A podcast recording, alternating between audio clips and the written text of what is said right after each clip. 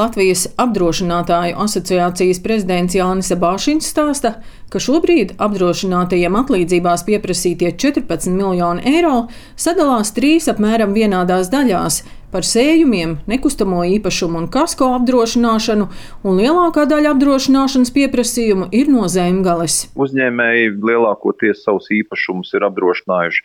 Tirgu vidēji ir apdrošināta aptuveni 40% no fiziskām personām piedarošajiem īpašumiem. Zemgalē šis procents ir augstāks nekā vidēji Latvijā, visties savi 50-60% no īpašumiem, kas ir apdrošināti bet attiecībā uz fiziskām personām ir viena slimība. Tas, ka īpašums ir apdrošināts kaut kādā mistiskā vērtībā. Ja īpašuma mājas atjaunošanas vērtība ir piemēram 100 tūkstoši, tad māja ir apdrošināta par 10 tūkstošiem, kas attiecīgi nozīmē, ka arī apdrošināšana nostrādās tikai par 10%, pilnā mērā nenostrādās. Dobels novada domas priekšsēdētājs Ivars Gorskis stāsta, tā kā valsts apņēmusies ieguldīt līdz 90% izmaksu vētras postījumu novēršanai pašvaldībās, Dobels pašvaldība ieguldīs 10%, jeb apmēram pusmiljonu eiro. Kopējie zaudējumi mājsaimniecībām, lauksaimniecības uzņēmumiem un pašvaldības infrastruktūrai Dobelas novadā šobrīd ir sasnieguši vairāk nekā 16 miljonus eiro. Daļa pavisam noteikti nevar atļauties apdrošināt. Nākošais etaps, kāda būs šī apdrošinātāja apcaucība.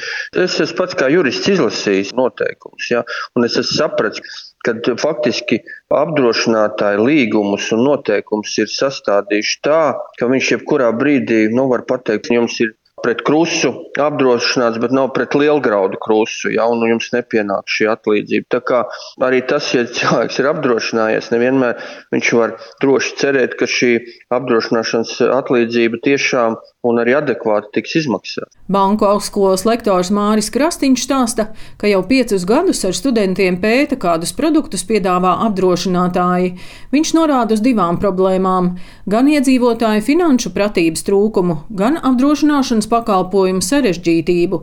Vienlaikus dabas katastrofas stimulē arī vairāk domāt par īpašumu apdrošināšanu. Kad tie zaudējumi maksā tūkstošus un desmit tūkstošus, un eh, ka iespējams apdrošināšana gadā maksā 200-300 eiro. Šis ieguldījums apdrošināšanas iegādēs cilvēkiem sāks likties saprātīgs. Bet pašiem apdrošinātājiem ir jāstrādā pie tā, lai sabiedrībā veidoto šī izpratne, kā tad apdrošināšana īsti darbojas. Iespējams, ka šie produkti ir jābūvē tādi, lai patērētājs saprastu, ko tad viņš pērk un vai šis produkts viņam būs vispār noderīgs. Latvijas apdrošinātāju asociācijas prezidents Jānis Sabāšins uzskata, ka tāpat kā citās Dienvidu Eiropas valstīs, jāveido īpašs dabas katastrofu fonds, ko bieži vien veido valsts kopā ar apdrošinātājiem tā fonda būtība ir tāda, ka nevis valsts tērē savu naudu no līdzekļiem neparedzētiem gadījumiem, bet ir izveidot šādi speciāli fondi, kas šiem neapdrošinātajiem cilvēkiem arī palīdz pie lielām dabas katastrofām. Reiķinoties ar to, ka tās dabas katastrofas arī pie mums būs biežākas, vajadzētu, manuprāt, papētīt, kā citās valstīs šie fondi ir uzbūvēti. 7. augusta vētra piemeklēja arī Lietuvu. Tur saņemti vairāk nekā 6200 atlīdzību pieteikumi par vairāk nekā 7 miljoniem eiro, tātad uz pusi mazāk nekā Latvijā. Lietuvā gan nebija lielgraudu krusta, tomēr lietuviešiem īpašuma apdrošināšanas tirgus ir divreiz lielāks nekā Latvijā un Igaunijā.